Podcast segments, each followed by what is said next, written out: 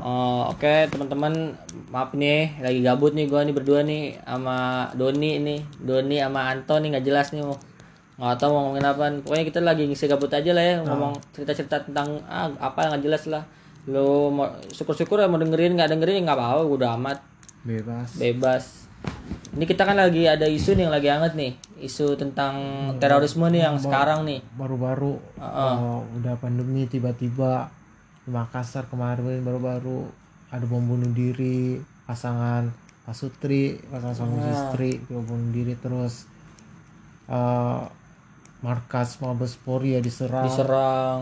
Terus ini nih apa sih yang salah dari generasi muda kita yang nggak pemikiran kita gitu? Terus segelintir orang seperti itu. Apa sih yang menyebabkan eh, orang-orang itu dengan gampangnya dicuci otaknya apakah masa mungkin em, dengan gampangnya jika dia melakukan bom bunuh diri meninggal mati. Mati syahid mati gitu. syahid, Nah, terus eh, udah ditunggu tujuh bidadari di Nah. atas. Terus kalau misalnya kalau perempuan yang meninggal masa jadi delapan bidadari jadi bidadari? Jadi bidadara gitu Oh, pramugara pramugari. Ah nggak lucu nggak sih? Aduh. Ini sebenarnya ini yang salah siapa? Yang tanggung jawab siapa? Kita pemerintah keluarga atau bagaimana ya enggak dan yang mengajarinya siapa sih? Mereka sih kok bisa sampai ada gerakan-gerakan eh, separatis gerakan-gerakan eh, anarkis seperti ini seperti terorisme? Apa jangan-jangan eh, Eh, apa apa kak? Kenapa kenapa don? Sistem. Sistematisnya Heeh, sistematisnya kenapa? Apa jangan-jangan eh, dari kecil eh, paham-paham ini sudah diajarkan dari eh, oleh anak-anak kita tetapi secara tidak sadar Eh, gini ta. gini gini gini don. Gini ya nih. Eh gua ini ya sepengetahuan gua ya mm, mereka itu orang-orang yang melakukan tindakan seperti sep- apa tindakan ekstremis agama eh, dalam kutip mungkin nggak Islam doang Kristen juga ada mungkin Hindu ada Buddha ada pasti ada itu kan. Itu karena eh, pola pikir mereka tentang eh, gerakan tersebut sejak kecil itu sudah terbentuk maksudnya pola pikir yang mau mau, mau mengarah ke sana gitu loh. Kayak misalnya di Islam kayak kasus yang kayak tadi kita bahas terorisme gini. Dia dari Islam tuh sudah membaca artikel-artikel tentang radikalisme tentang jihad itu seperti apa tentang ini seperti apa seperti apa. Dan eh, faktor lingkungan yang lingkungan di sekitarnya dia itu kayak mendukung gitu loh. Kayak dari mungkin cara berpakaiannya cara berbicaranya terus cara eh, kesehariannya itu mendukung banget dia untuk tinggal diarahkan oleh orang yang ingin melakukan tindakan ataupun bosnya gitulah ya istilahnya lah ya. Nah, eh, tindakan kalau menurut gua itu dari awal tuh tuh dia udah diarahin gitu mau dia begini begini, tinggal ditambahin selongsongnya aja. Dan eh, yang paling bertanggung jawab itu siapa sih? Ini nih di zaman sekarang nih jawabnya ini nih, HP nih, laptop, HP. Eh, kalau kata gue pernah dengar Bapak Ganjar Pranowo, Gubernur Jawa Tengah bilang tuh ada namanya Jamiah YouTube Kia, Twitter ya, Insta Instagram ya, Facebook ya, eh apalagi istilahnya kalau di eh, WhatsApp ya lah ini yang paling bertanggung jawab nih terhadap gerakan-gerakan seperti ini nih. Mereka nonton dari situ terus melihat wah ini kayaknya kajiannya asik nih begini-begini dapat iming-iming seperti ini seperti ini seperti ini. Dia cari lah siapa sih yang ngajarinnya nih? Ini siapa sih otaknya sih nih? Diajarin dia tanya-tanya lebih mendalam gitu kan nah sama orang yang udah emang otaknya nih yang bosnya ini udah mengarahnya ke seperti itu diarahin lah dia nih. Lu bakalan begini lu harus belajar begini belajar begini bahwa Islam itu begini begini begini. Ketika kamu yang lu bilang tadi tuh jihad begini begini begini begini begini itu tuh yang bahaya kak. Nah kan oh, banyak kayak oh, banyak juga yang ditangkap baru-baru ini ada lagi yang ditangkap ditangkap. Menurut kakak gimana sih pendekatan mereka sehingga mereka bisa merekrut orang-orang gampang terhasut melakukan tindakan aksi-aksi yang marak terjadi belakangan ini Nah, tadi kan sudah saya bilang dari awal itu loh. Karena pentanam penanaman dasar mereka itu sudah ada kak tentang jihad itu kak. Penanaman dasar mereka tuh eh, tentang pemahaman mereka bahwa jihad itu seperti ini, lingkungannya mereka tuh begini begini begini. Tinggal diarahkan saja mereka. Ini organisasi yang udah ter- yang udah terbentuk ini kayak eh, mohon maaf ya kita menyebut kayak mungkin eh, yang udah terkenal itu jamaah terorisnya itu jamaah Al Qaeda, terus jamaah eh, Mar- Marawi itu yang terkenal tuh ekstremis banget tuh. Nah yang orang-orang yang, yang di mereka butuhkan tuh orang-orang yang sejak kecil tuh udah punya pemahaman makanya mereka gampang kebujuk nah caranya menangkalnya ini bagaimana? Nah ini tanggung jawab kita bersama caranya gimana nih menangkal gerakan-gerakan seperti ini nih? Kembali lagi nih dasar negara kita semboyan kita Pancasila. Kita harus menanamkan integritas kita terhadap bangsa yang tinggi cintai produk dalam negeri kayak gitu. Eh, apa namanya cinta apa namanya lebih eh, memahami Indonesia itu seperti apa sih? Cintai kakak Indonesia cintailah Indonesia intinya lah ya. Lebih memahami Indonesia itu seperti apa? Itu yang harus ditekankan pada terutama orang tua ini yang paling bertanggung jawab nih. Mereka itu orang-orang yang seperti ini itu seperti sebenarnya itu orang tua yang mungkin dari segi agamanya itu pemahaman mereka itu agak melenceng dari pemahaman yang berada sudah se- eh, ormas besar kita ini kayak Nahdlatul Ulama dan Muhammadiyah. Ketika pemahaman, pemahaman itu sudah melenceng dan agak ke arah luar ke arah eh, eksternal dari negara negara kesatuan kita.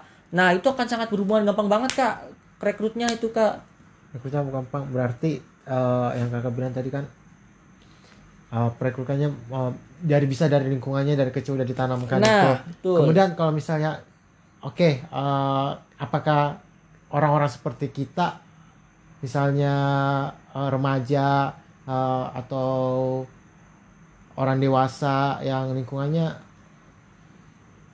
biasa aja tapi tiba-tiba mereka ngeliat itu oh kayaknya bagus ini kayaknya bagus itu kira menurut menurut, menurut kakak eh, orang-orang apa sih yang gampang eh, yang orang-orang si radikal ini oh ini kayaknya gampang diasut gampang diasut seperti apa sih?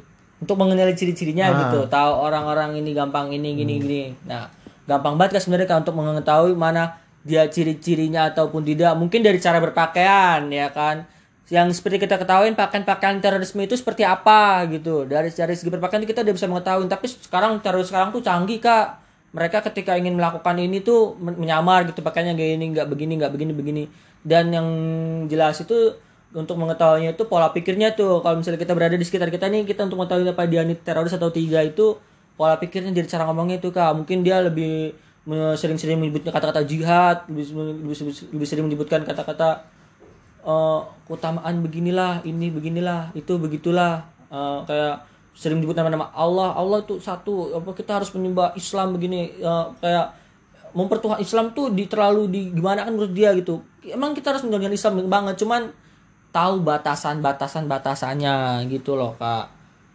Jadi untuk membedakannya itu eh, apa ya mungkin dari cara berpakaian anda bisa membaca dari segi perilakunya dan dari dari tayangan media tayangan media gambaran terorisme itu seperti apa. Kan itu sudah jelas banget terpampang gitu kak.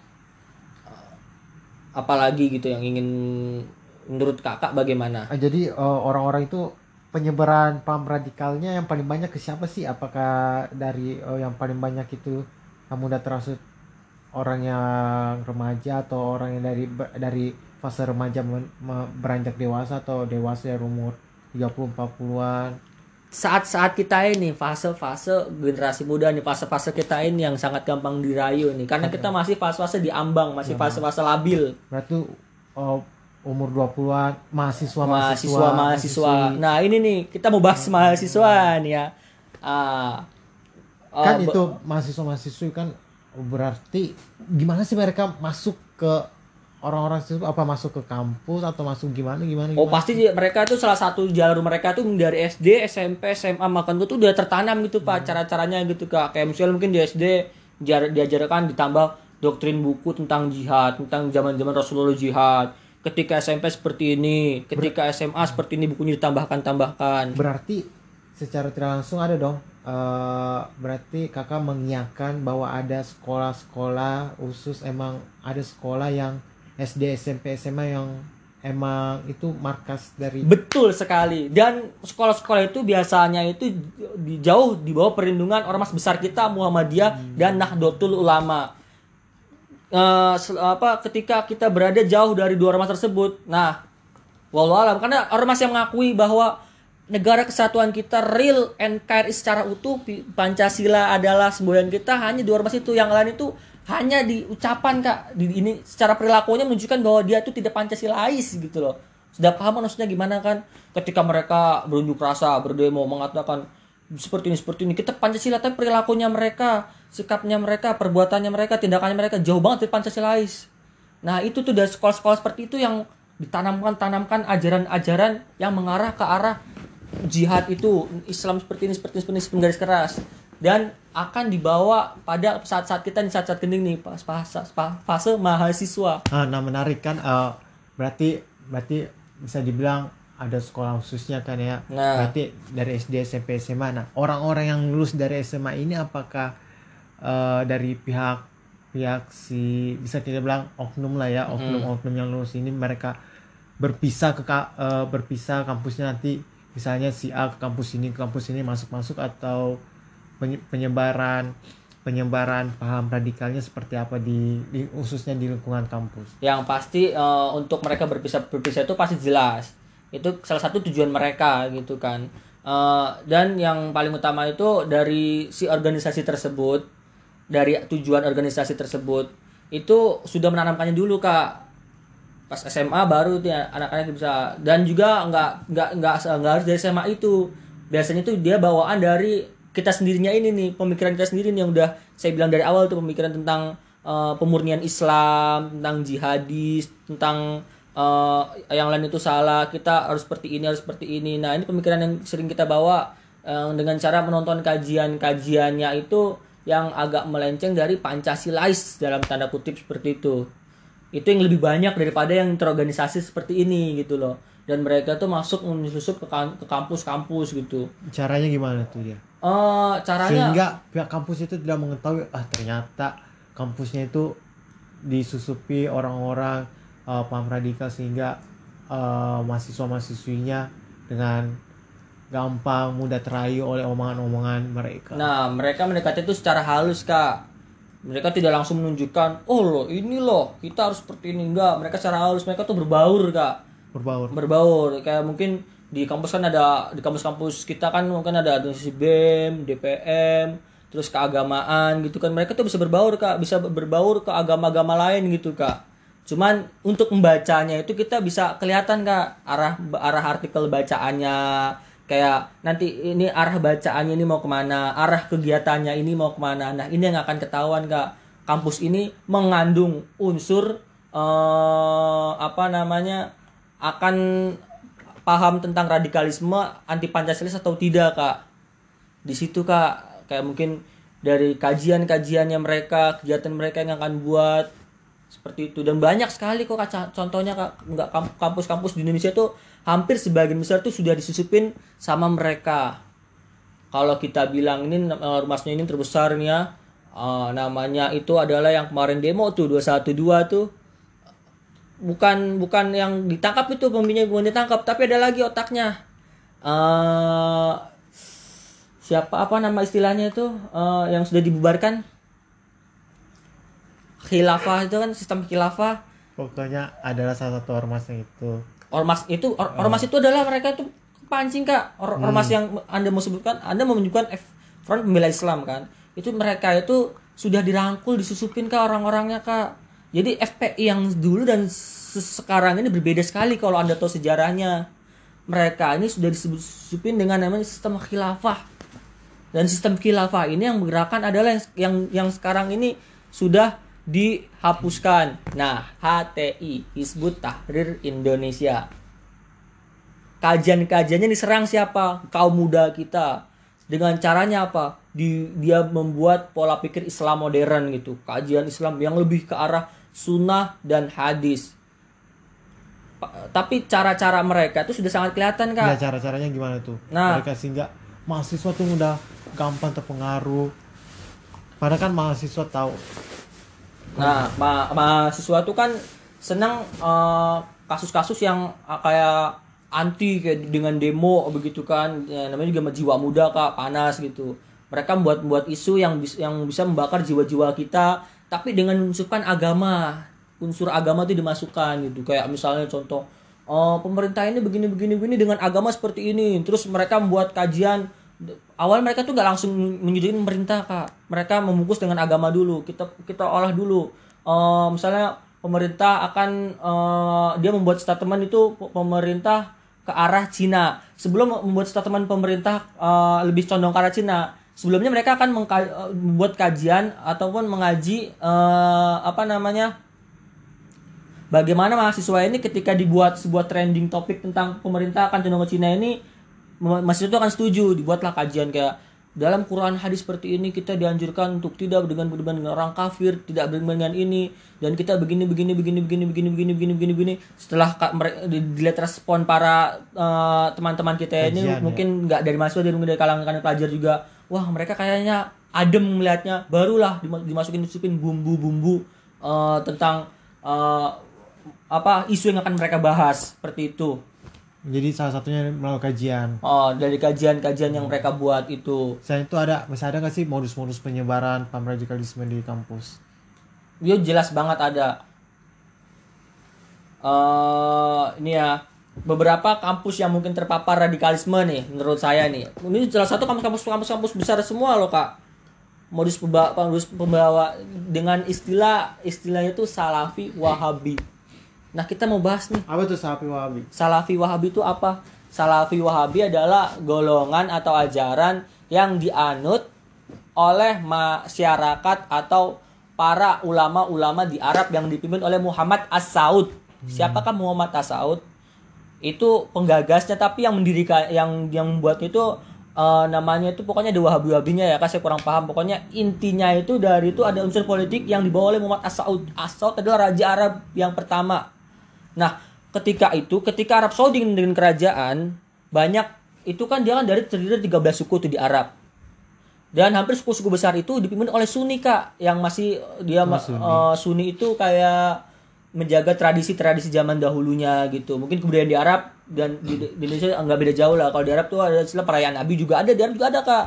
Tapi eh apa namanya kaum Wahabi ini nggak suka. Mereka masuklah menyusupi pemerintah orang-orang elit orang-orang elit pada zaman itu yang ingin membuat sebuah negara dimasukin ke Muhammad As-Saud itu ditambahin doktrin Muhammad As-Saud akhirnya Muhammad As-Saud terpancing wah ini kayaknya gerakan ini bisa nih eh, menguasai Arab Saudi. Dibikinnya doktrin Wahabi dan Salafi gitu memurnikan ke apa ajaran-ajaran yang menyimpang dalam Islam yang sekarang ini. Sebenarnya yang menyimpang itu seperti apa sih menurut mereka gitu kan Eh, sehingga mereka gampang gitu ketika Wahabi apa Salafi dibawa ke Nusantara dan diserang ke generasi muda ini mereka gampang percaya banget gitu loh. Dan ini banyak banget meresahkan orang tua orang tua kita di rumah secara nggak langsung. Banyak loh kasus-kasus sekarang itu orang tua itu dibuat salah. Kayak eh, ibu nih nggak cocok begini ibu salah kegiatannya begini. Mereka aduh itu yang saya nggak habis pikir kak Terus eh, kira-kira ber- bisa nggak sih paham-paham radikal radikal radikalisme itu justru bisa dimasuki modus-modusnya melalui organis organis organisasi organisasi Kampus. baik eh, internal kayak misalnya BEM atau DPMO tentu saja bisa kak. Atau keagamaan gitu kan. Keagamaan yang yang paling berpengaruh tuh sangat pengaruh tuh di keagamaan tuh kak. Hmm, mungkin kayak di kampus-kampus ah, saya kurang paham ya Ah, mungkin ada namanya kajian Islam apa atau gimana apa lembaga dakwah gitu kan. Nah mereka itu menyusupnya dari kayak keagamaan itu yang paling utama tuh. Dia susupin dia panggil pembicaranya itu yang notabene dari golongan dia tuh kak. Untuk menyusupi untuk menyusupi mahasiswa-mahasiswa yang baru masuk ini dari dari segi kampus yang masih masih agak awam ataupun masih pemahaman eh, Islam mereka itu masih sedikit pendirian mereka tuh belum kuat tentang Islam itu seperti apa apakah Islam yang yang selama ini saya bawa salah ataupun tidak.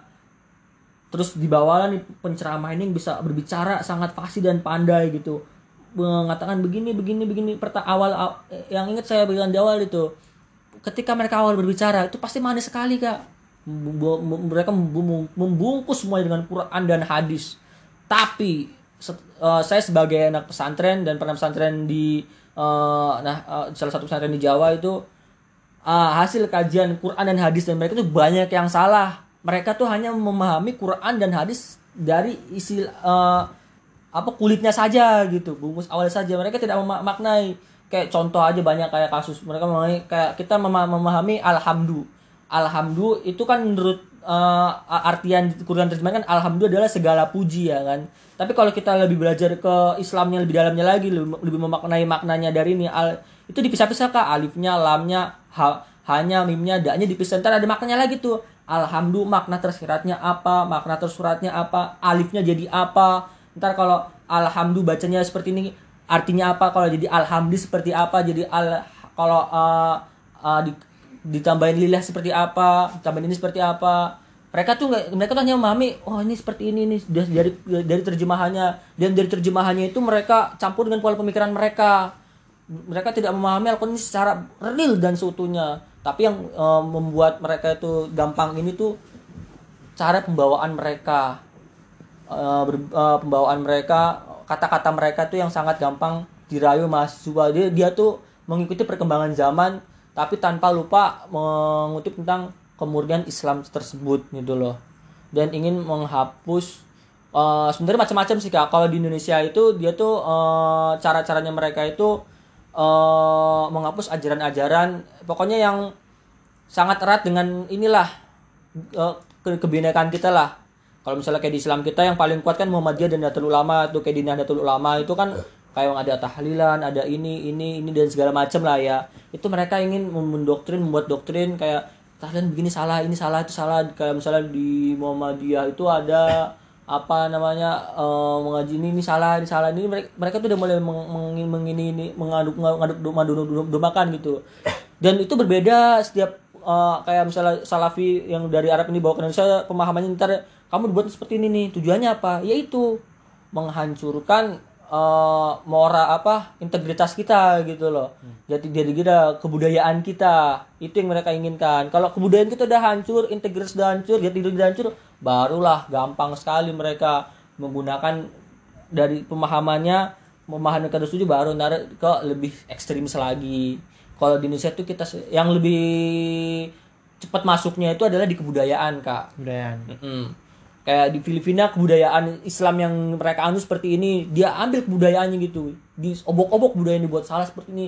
Yang mungkin ini terus mahasiswa yang kita pemikiran yang katanya revisioner apa revisioner apa revisioner gitu kan. Begini-begini dipikir itu dibuat arah kamu tuh seperti ini, ke depan seperti ini, seperti ini, seperti ini, seperti ini, seperti ini. Nah, berarti mereka itu masuk secara halus pelan. Nah, secara pelan-pelan kajian, kajian, kajian. Eh, masa sih dari pihak kampus atau dari mungkin kita pihak lah, kampusnya sudah terpapar. Beberapa dosennya tuh sudah lebih dahulu mengikuti ajaran tersebut kak. Jadinya mereka lebih agak Nggak- gampang mengizinkan. Sebenarnya kampus-kampus itu banyak yang yang nggak gini kok. Dan eh, dan dalam kutip kesadaran masyarakat Indonesia mungkin saat ini sudah meningkat ya kak. Sebelum itu masuk ini kita udah telat 30% lah ya. 40% malah udah telat 40% dari sejak mereka dibuat makanya sudah tertanam sudah sudah susah lagi dicabutnya gitu. Dan beberapa dari mereka itu yang lulusannya itu sudah jadi kayak petinggi apa pun mungkin di mana jadi tetap lestari di kampus gitu kak. Susah sekali kak dihilangkannya kak. Nah, eh, pertanyaan terakhir nih, kira-kira apa sih pesan buat teman-teman atau pesan buat teman-teman sekalian agar mengetahui supaya supaya kita tahu nih ternyata ajaran ini salah, ajaran ini tidak benar. Terus apa sih tindakan apa yang harus kita lakukan, tindakan apa yang harus kita lakukan? Eh, pesan dari saya mah ini aja lah ya. Kita harus lebih memahami integritas dan kebudayaan kita secara sepenuhnya. Integritas maksudnya integritas itu apa? Seperti yang kita sudah pelajari waktu kita di kampus kita ya kayak integritas itu kan kayak nilai-nilai bangsa kita tuh seperti apa? Bangsa kita itu agamanya tuh yang dianut seperti apa kayak misalnya kita ini punya punya condong ormas dua. Ormasnya Nahdlatul Ulama dan Muhammadiyah. Apakah ormas ini salah atau tidak? Eh, kan kita bisa melihat contoh-contoh panutan-panutannya gitu. Apa yang buat mereka salah apa ini salah? Yang lebih utama lagi adalah orang tua juga. Harus lebih lebih jeli mengalami apa lebih jeli mengamati anak-anaknya. Dan sebagai kita sendiri dari dari diri kita sendiri yang paling utama yaitu adalah eh, untuk ini yang saya bilang nih HP ini di- bisa HP. digunakan secara benar dan real. Pahami ajaran Islam itu secara dengan jelas gitu loh. Siapa sanatnya siapa ininya apakah dan pahami biografi dari orang tersebut. Sebelumnya riwayatnya seperti apa yang mengajarkan agama ini seperti apa apakah mereka dulunya seperti ini apakah seperti ini gitu. Dan juga pahami isinya jangan hanya pahami isinya oh ini manis ini ini begini begini begini begini tapi ketika kita memahami isinya juga jangan lupa kita punya integritas bangsa sendiri. Apakah sama sesuai dengan bangsa kita? Jangan kita mau di- dibuat seperti bangsa lain. Ka- kamu harus seperti Arab seperti ini. Kita nggak bisa main kita punya budaya kita sendiri. Arab Arab kita kita oke lah Islam datang dari Arab. Oke lah Hindu datang dari dari India. Oke lah Buddha datang dari India ataupun Cina. Konghucu tapi ingat kita punya kebudayaan sendiri boleh jadi ah, orang bo- boleh jadi Islam tapi jangan jadi orang Arab ingat kata Soekarno gitu kan Nah, pesannya apalah ketika kita yang paling pesannya kita ini buat diri kita sendiri adalah ketika kita menggunakan media ini, media informasi seperti ini eh, dan eh, kajian-kajian lewat situs online ataupun baca-bacaan online, pahami isinya. Apakah isinya ini sesuai dengan bangsa kita, dengan jangan langsung asal jangan asal info- wah ini cocok banget dengan saya. Wah, ini seperti ini misalnya balik lagi dulu. tanpa melihat kebenarannya langsung, ya. pahamilah siapa eh, siapa yang menyebarkan siapa nama pendakwahnya ini. Pahami juga biografi pendakwahnya sebelumnya seperti apa. Apakah mereka sesuai dengan bangsa kita? Apakah mereka sesuai dengan eh, bangsa yang apakah dengan bangsa kita? Intinya seperti itulah. Agar kenapa bangsa kita ini nanti 2045 tuh akan mengalami bonus, bonus demografi kak dan ini yang mulai mereka serang ini. Bukan dari dari pahaman agama saja dari politik politik itu sebenarnya banyak kak. Cuman panjang nanti bahasnya ya kak. Mereka tidak mau Indonesia itu menjadi salah satu negara terkuat. Mereka mau membuat hancur seperti Brazil. Saya dulu pernah belajar geografi. Brazil itu adalah salah satu negara yang gagal dalam bentuk dalam mendapatkan bonus bonus demografi pada tahun 2006 ataupun berapa. Pokoknya tahun itulah tapi dan yang mereka susupkan apa? Karena mereka di sono agamanya Kristen disusupkanlah Kristen ya eh, pemikiran sama seperti kayak Wahabi gitulah ya kak. Dan eh, orang Brazil itu agak kebebasan disusupinlah kebebasan kayak narkoba dan segala macam. Akhirnya apa? Hancurlah Brazil seperti sekarang. Tidak bonus demografi dari Brazil. Dan sekarang nih kaum kaum muda kita ini lagi diincar nih kak biar ketika 2045 2040 itu terjadi bonus demografi negara kita itu tidak yang ingin mereka harapkan gitu. Bukan Arab saja banyak negara-negara seperti di Cina di Amerika itu yang menginginkan Indonesia itu gagal bonus demografinya. Dan tidak menjadi negara adikuasa atau di power. Gitu loh kak. Oke baiklah.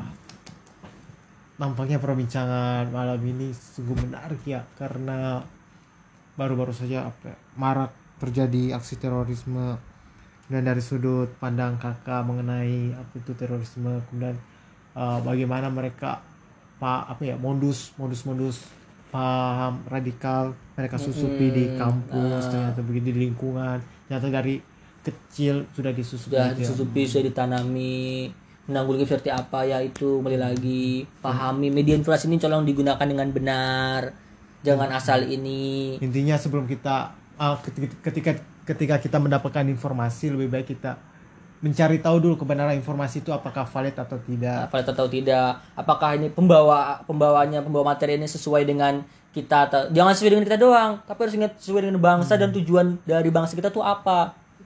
Ini bukan secara Islam doang ya maksudnya agak melebar sedikit ya.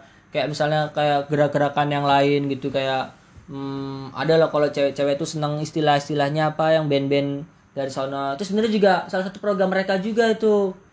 Ada yang dari secara agama di secara secara ini tuh ntar bahas itu bahasanya agak melenceng itu kak. Itulah. Oke baiklah terima kasih. Heeh. oke makasih Kak Anton untuk uh, obrolan malam ini obrolan tengah malam ini. Kayaknya semakin malam pembicaraan kita semakin menarik tapi tak terasa 30 menit kita uh, berbincang dengan Kak Anton membahas masalah ini. Semoga bagi Teman-teman, yang mendengarkan ini apa, bisa menambah wawasan atau oh menambah pengetahuan tentang Eh, paham pemahaman kita akan eh, bagaimana kita ke depannya seperti apa kita menjalankan Islam itu seperti apa beragama kita seperti apa dan mengetahui lah tujuan bangsa ini nanti ke depan itu mau seperti apa Oke, baiklah terima kasih kepada teman-teman yang telah mendengarkan.